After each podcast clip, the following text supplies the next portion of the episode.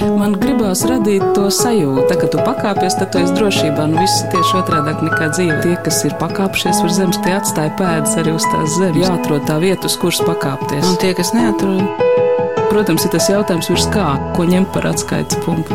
augstāk par zemi. Augstāk par zemi. Augstāk par zemi. Tumsīņāji, naksnīņāji, grozu savu vaināciņ, kur tas gaiši atspīdēja, tur mūžiņu nodzīvošu. Esiet sveicināti! Rīgas kultūras un atpūtas centrā Imanta līdz jūnija beigām skatām izstāde Vainaga stāsts. Tajā gan sēni autentiski vainagi no Liepājas muzeja krājumiem, gan atdarinājumi, gan arī šajos laikos radītie mūsdienīgie fantāzijas lidojumi. Mans vārds ir Anda Bušvica un izstāde šķita labs iekansts uzdot jautājumus. Kas tad ir 21. gadsimtā šo galvas rotu pasūtītājs, arī noskaidrot, kas šai tradīcijā ir mainījies, meklēt nepārējošo. Manas sarunbiedrs Margarita Muntaga, zīmola zīļu vainags radītāja, kur prot gan precīzi atdarināt tautstērpu vainagu, gan arī radīt ko jaunu pēc pasūtītājas vēlmēm. Šai sarunā neiztikt bez Brigitas Strodas. Viņas kroņa aizceļojuši tālu pasaulē, viņa derinājusi arī kroņas grupas tautmeidas dziedātājām.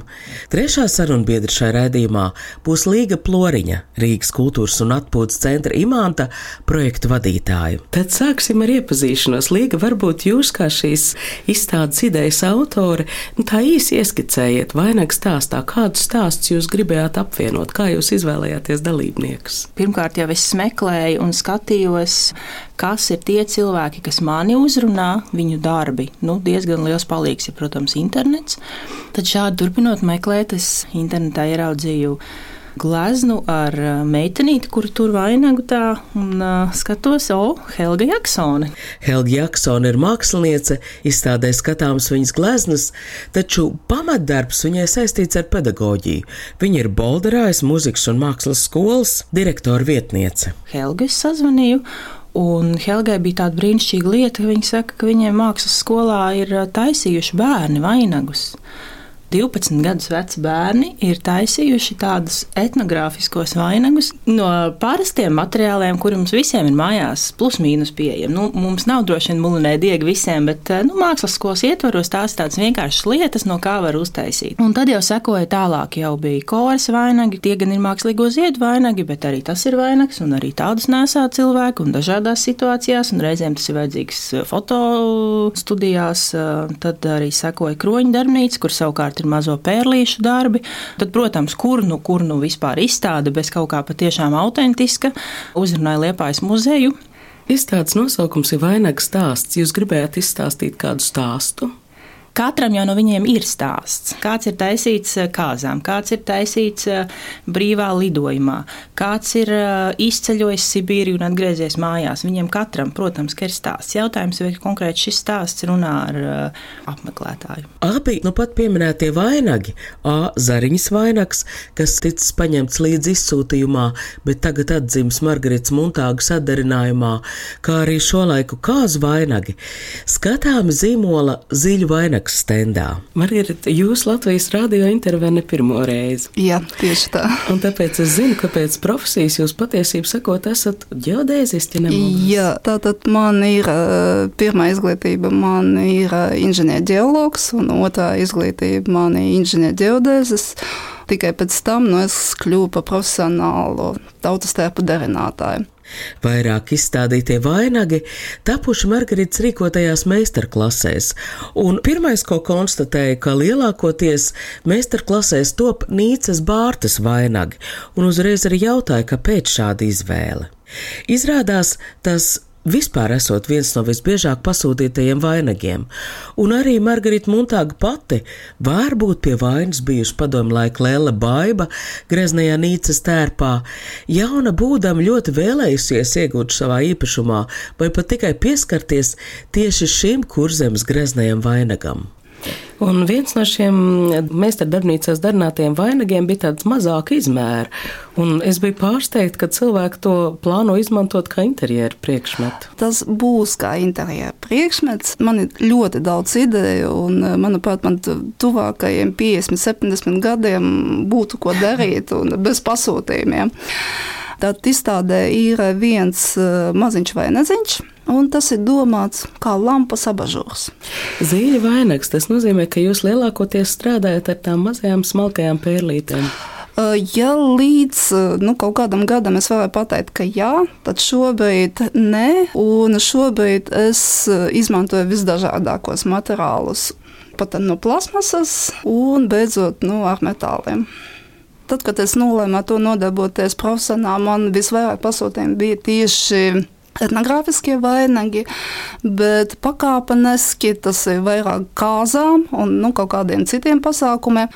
Man izstādē ir pāris vainagi, kas eh, galīgi nav nekādas saistības ar etnogrāfiju. Viens tas ir sniegpārslu vainags, tas ir iedvesmojoties no šī gada ziemas, tad, kad bija jātīra ļoti daudz un ļoti pamatīgi pagalms, un tās sniegpārslas eh, bija dikti daudz. Ir arī divi nelieli vainadziņi. Viens ir balts, otrs ir balts ar dzelteniem un zaļiem elementiem. Un tad tieši tā līgava vēlējās, lai būtu nu, ne tikai balts, bet nu, kaut kas ar zaļām, kaut kādām nelielām niansēm. Viņa paskaidroja, kāpēc. Es īpaši nejautāju. Vēlāk sarunā Margarita Muntāga izstāsta, ka viņai ir ļoti svarīga pasūtītāja ideja. Kas tad ir tas, kas cilvēku pamudinājis nākt pie viņas, vēlēties kādu īpašu vainagu, bet tālāk jau, jo mazāk konkrēti detaļu, jo labāk. Viņa drīzāk domājot ar rokām, rada paraugus, kas tālāk darbojoties var neskaitāms reizes mainīties. Gadās arī tādas situācijas, ka pasūtītāji iecer kādu iemeslu dēļ tomēr neīstenojas, bet doma vainagu darinātājai likusies tik interesanta, ka neliek mieru ilgāku laiku. Un tieši tā viņa no pērlītēm nonākusi arī pie mūsdienīgākiem materiāliem. Viss sācies ar kādu pasūtījumu. Tātad uh, sataisīt uh, kroni, sieviete čūska. Jā, nu tas pasūtījums nenonāca līdz realizācijai, bet man tā ideja iesēdās galvā. Un tad šobrīd es esmu nopirkusi, tas ir kaut kas līdzīgs fliteriem. Un tas būs kronis, kas būs līdzīgs tā kā čūska āda, tā kā zvīņas. Ja? Nu, fliteri plasmasa. Līdz ar to tur būs vēl citi materiāli, bet viņš būs tā kā čūska sāda un tāds liels tāds. Un, lai tik tiešām nevienam nebūtu šaubas, ka tā ir sievietes čūskas kronis. Vainags vai kronis, zīmola Stroda radītāja Brigita Stroda cieši pieturās pie vārda kronis un arī savos stāstos par kroņiem. Ironiski spēlējas ar kronēšanu šo laiku aristokrātijas tēmu. Šī manta galvas rota, ko valkā ar latviešu tautas stērpu, to sauc par vainagu, un es tādus netaisu. Tajā pašā laikā Jāņos tā skaistā ziedu rota, ar kuru mums ir pienākums kaut vai Jāņos sevi rotāt, šo zieda vainagu arī sauc par vainagu. Un es esmu ļoti, es ļoti iestājos, ka gan tautstērps, gan Jāņu vainagam vajadzētu būt tieši tādam, kādam viņš ir. Ar to nav ko maisīties. Un tāpēc esmu izvēlējusies to lietu, ko es daru. Vienkārši nosaukt atšķirīgā vārdā, lai būtu nu, vieglāk atšķirt. Šajā izstādē vainaga stāsts pie vainagiem ir arī stāsti. Un tur tu stāsti par sevi, ka tev pirmā sastapšanās ar vainagiem ir notikusi 17 gadu vecumā. Jā, jā, jā. jā. Un kā tas notika? Es esmu latviešu meitene, dzimusi un augusi Austrālijā. Mums no ģimenes mantojuma vai no bēgļu laikiem bija tāds klasiskais lielvārds tautstērps, kurš tika valkāts vienmēr un visur. Bet es gribēju savu, un es biju izdomājis, ka es gribu Alsungas tautas tērpu. Tajā laikā šī saikne ar savu dzimto pusi, kas nu, mana vecāku gadījumā ir varakļāni, nebija tik aktuāla. Es vienkārši gribēju visinteresantāko. Tajā laikā informācija par tautas starpiem bija tajās grāmatās, kuras deva no rokas uz roku. Bija arī latviešu bibliotekā un latviešu zeltenēs, zelteņu eksemplāros. Bet mēs eh, dabūjām vienu grāmatu lietošanai uz kādu laiku. Es viņu atveru un šķirstu, un tur ir attēlots viens muzeja eksponāts no lejas kurzemes kāzu kroņa. Nu, tas, ko sauc par vizuļu vainagu, to ar tām spirālītēm, to, kas ir haotisks un tāds, kāds ir, tādi ir vairāki muzeja krātuvēs. Es redzu šo vienkārši attēlu, vienkārši grāmatā, un e, es saku šim vainagam, es kādreiz šādu uztaisīšu. Tad paiet viens mirklis, viena sekunde, un smadzenes pamožās un saka, nē, tu nevari, jo tu esi meitene un šis ir metāls. Nu, ko? Paiet 30 gadi, es jau dzīvoju Latvijā. Es eh, tajā laikā strādāju kā Latvijas turisma informācijas biroja vadītāja Londonā. Es staigāju pa vienu dizaina veikalu, Habitat, un tur es ieraugu vienu tādu ļoti vienkāršu lampu. Bet lampai var piepirkt klāt tādu metāla, droši vien skārda, tādu mežģīni, kuru var sakrokot un aplikt ap vienkāršo lampu, un sanāk baigi eleganti es redzu šo metāla mežģīni un es saku, tur ir mans vainags. Un tā es uztaisīju pirmo kroni. Kā tas viss attīstījās, tas ir stāsta turpinājums. Kāda cilvēka pasūta tev kroņus? Kādos gadījumos cilvēki vēlās sev kroni?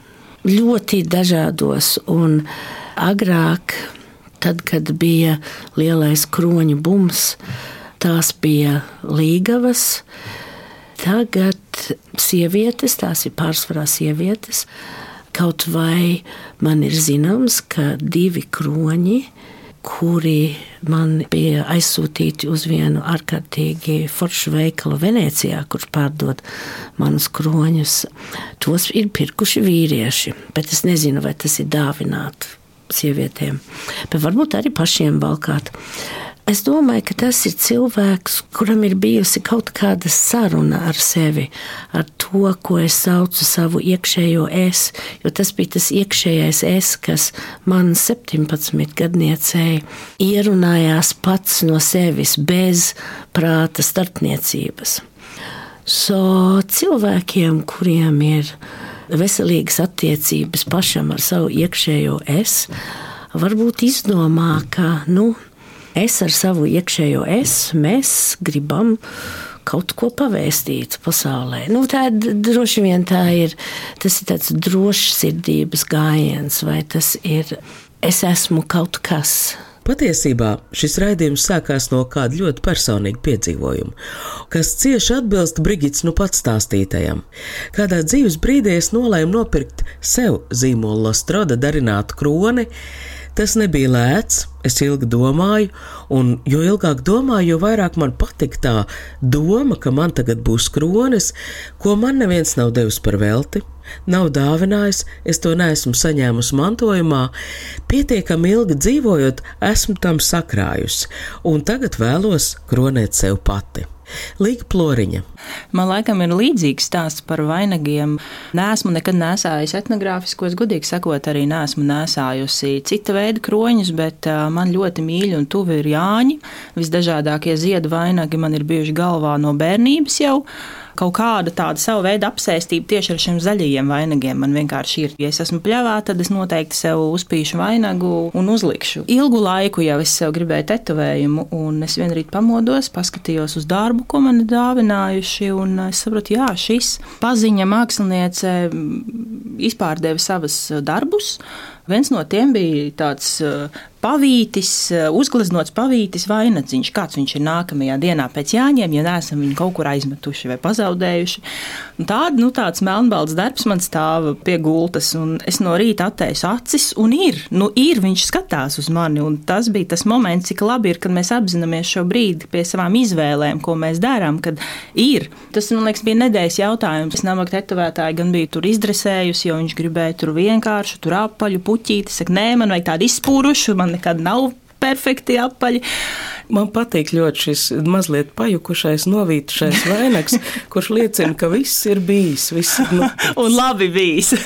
ja šajā izstādē ir tevis nesenāk darinātais vainags, veltījums Liepājai.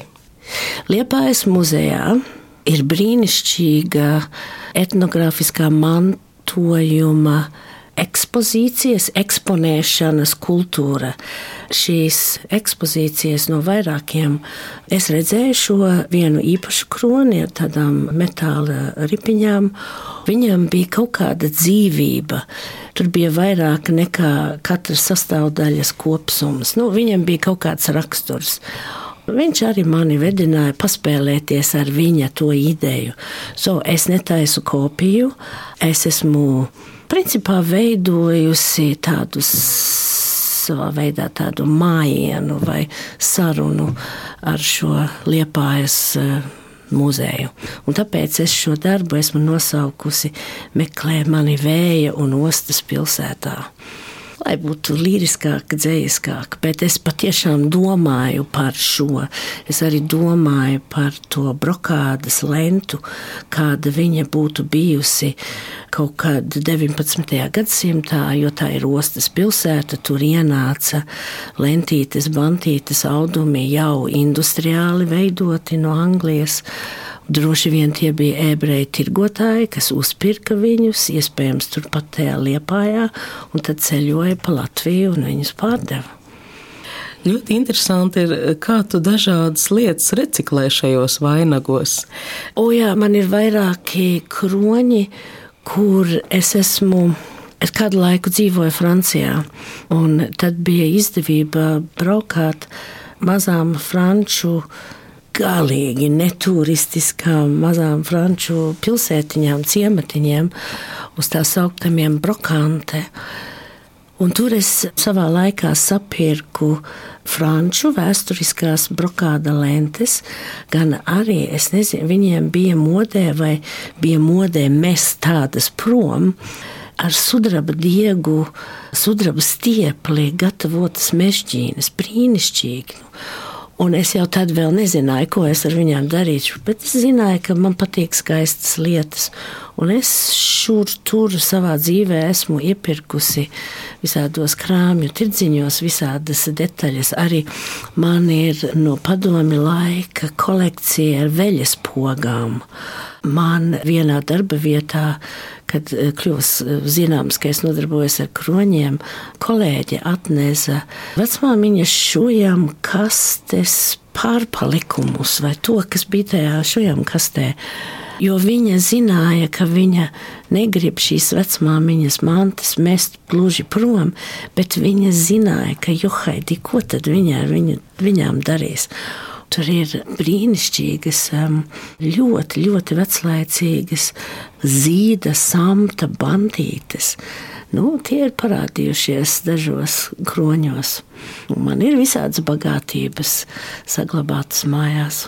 Man ir bijušas arī īpaši pēc uh, intervijām Latvijas rādē. Man ir bijušas vienkārši, ka kundze piezvanīja, negribat apskatīties manu vainagu. Mēs sarunājam laiku. Es atbraucu ciemos, parādu savu vainagu, un, un tad es prasu, vai drīkst es atdarināšu. Jā, ļoti labprāt un ar lielāko prieku. Tad es atbildēju, samēru, noņemu visus, nu, teiksim, nu, lai viņš būtu tiešām tā kā atdarinājums. Tas ir vēl viens veids, kā darinot kroņus, sasaistīt pagātni ar tagadni. Izstādē vainags stāsts ir kāds vainaga atdarinājums, un tā apraksts izstādē ir ļoti lakonisks. Sakas vainags atdarinājums pēc āzariņas īpašumā esošā vainaga, bet stāsts patiesībā ir vienlīdz skaudrs cik skaists. Kundze ļoti slikti runāja, un, un, un vairāk mēs uh, sazinājāmies ar vīra palīdzību. Tie vainagi bijuši izsūtījumā, un tieši kā ļoti, ļoti daudziem paņēma līdzi tautas tērpu pēc gadiem atgriezās Latvijā, un vainags eh, bija, protams, atpakaļ Latvijā. Nu, šobrīd tas vizuālais izskats viņam ir nu, tāds. Eh, viņš ir tiešām ir redzams, ka viņš ir izceļojies vis kaut kur, un viņš ir daudz ko piedzīvojis, bet viņš ir. Un, manuprāt, tā ir arī ļoti laba iespēja. Jo ja kādam mājās ir nu, kaut, kāds, nu, kaut kas tāds mm, īpašs priekšmets, kaut kādu īpašu stāstu, ir ļoti labi, nu, ka ne tikai tas cilvēks redz, bet nu, arī bija kaut kāds pulks arī ārpusē.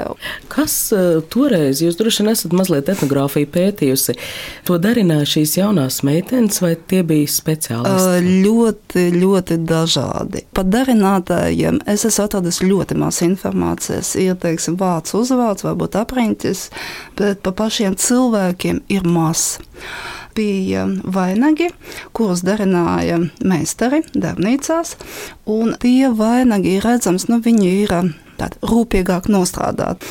Bet ļoti daudz vainagi arī redzams, nu, ka tapuši nu, tā nu, varbūt ne tik rūpīgi. Jā, nu, kā nu kuram tā prasme ir bijusi, tā tas arī ir taisīts. Man ļoti patīk uh, Līgas reitēs, uh, to, ko viņa ir teikusi tāds vainags, kāda ir darinātāja. Un līdz ar to tur ir vairāk nu, tās rakstura īpašības. Ja? Varbūt nav prasmes, varbūt nav zināšanas, bet, ja gribās nu, sataisīt nu, tiešām uz visiem simts, nu, tad ies un cīnīsies. Un man ir bijušas meistarklāsē meitenes, kuras pirmo reizi var diegu adatā un sataisa tā, ka man, nu, godīgi sakot, es pirmo vainagu man nav ne tuvu tik labi, kā ir nu, tiešām meitenēm, nu, sievietēm. Vēl viena Brigita Strods darinātā vainaga stāsts. Es pieteicos uz mākslinieka rezidenci Serdē pagājušajā gadā. Es gribēju aiziet atpakaļ pie šī lejas kurzemes kāzu kroņa, pie šī kroņa, kas mani 17. gados uzrunāja, un es gribēju papētīt, kas tu esi. So es uztaisīju šo kroni no paša, paša pamata, ieskaitot to, ka pamatiņš kronim ir no bērnu tās un nevis no kartona, ka visi auduma elementi ir zīds, kāds viņš būtu varējis būt ap to laiku, tur nav sintētika, un viss pārējais ir no metāla stieples. Es vienkārši sāku taisīt šo kroni.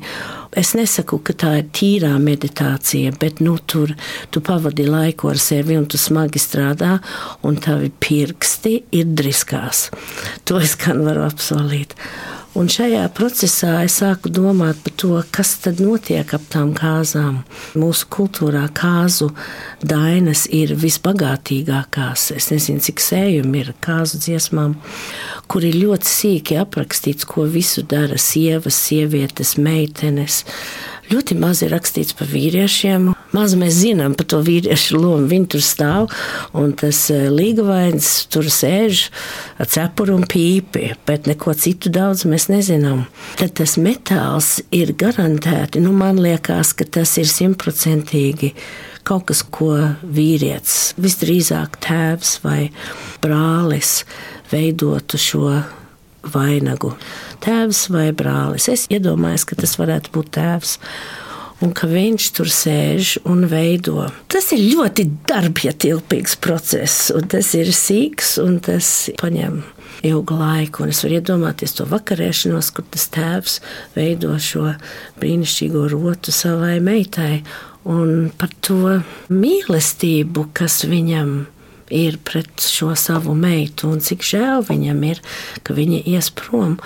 Mēs esam pieraduši pie tā, ka lielā mīla mums ienāca tikai ar raini, bet ar šo darbību, ar šo objektu es absolūti iztēlojos to lielo tēva mīlestību pret savu meitu, kāzu dienā.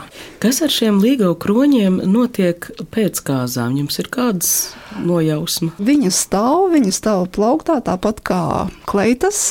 Nu, es nezinu, varbūt vēl jāpaiet, varbūt gadus 20, varbūt iedos meitām, jo neviens no šiem koņiem es neesmu redzējis pārdošanā. Un es zinu, ka es mēģināšu pārpirkt, un nu, pagaidām neviens nav pārdevis tālāk. Margarita Muntaga, darinot zīļu vainagu galvas rotas, izmanto modernās tehnoloģijas, zīmē un kārto rakstus ar datoru palīdzību. Brigitas Strodas vainagi, kas savās izpausmēs ir it kā fantāzijā brīvāki, modernāki, taču uzzinu, ka reizēm par to iedvesmu savotu kalpo vēsture, sajūtas, ko raisa lieliskā 18. un 19. gadsimta Latvijas apceļotāji, vienkāršo ļaužu dzīves dokumentētāji Johana Kristofa Broces zīmējumi. Jā, ir viens brīnišķīgs zīmējums dzērbenes līgava kur ir viena istaba, kur ir pilna ar ļaudīm, ievēr, nu, īpaši vīriešiem, un ir viena acīm redzot jauna meitene, kas stāv un viņai tas kāzu vainags ir vai nu no zelta, vai nu no dzeltenām pienenēm, vai nu kaut kādām tur kapara spangām, bet viņš staro un šī meitene, šī jaunā bailīgā meitene vienkārši ir istabas centrs un drīzāk eh, tas, kad brocē ir noķēris šo momentu, kur šī sieviete acīm redzot, lauku meitene, nu, patiešām jūtās kā karaliene un pret viņu arī izturās kā pret karalieni, un ka viņa acīm redzot, ir mainījusi savu kārtu, aiziet sameklēt dzērbenes līgavu. Uz avotu līgot gāju pašā jāņu vakarā.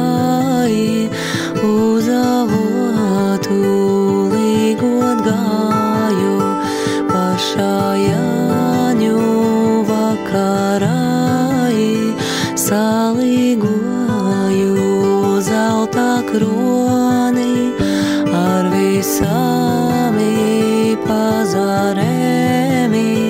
Salīgoju zelta kroni ar visām pazarēm. Zemos bija tautu durvis, zarots manis vainagdziņas, zemos bija. Ar Brigitu Strodu, Margaritu Muntāgu, Līgu Ploriņu sarunājās Anna Buševica, šī raidījuma skaņoperators Valdis Raitums. Izstāda vainags stāsts Rīgas kultūras un atpūtas centrā Imanta skatām līdz jūnija beigām. Šai raidījumā skanēja ilgs reiznieces balss, fragments no mūzikas filmai Man vienai māsiņai, kā arī Marts Kreitus dziedātā Jāņa dziesma no albuma Līgo sērijā Latviešu tautas muzikas kolekcija.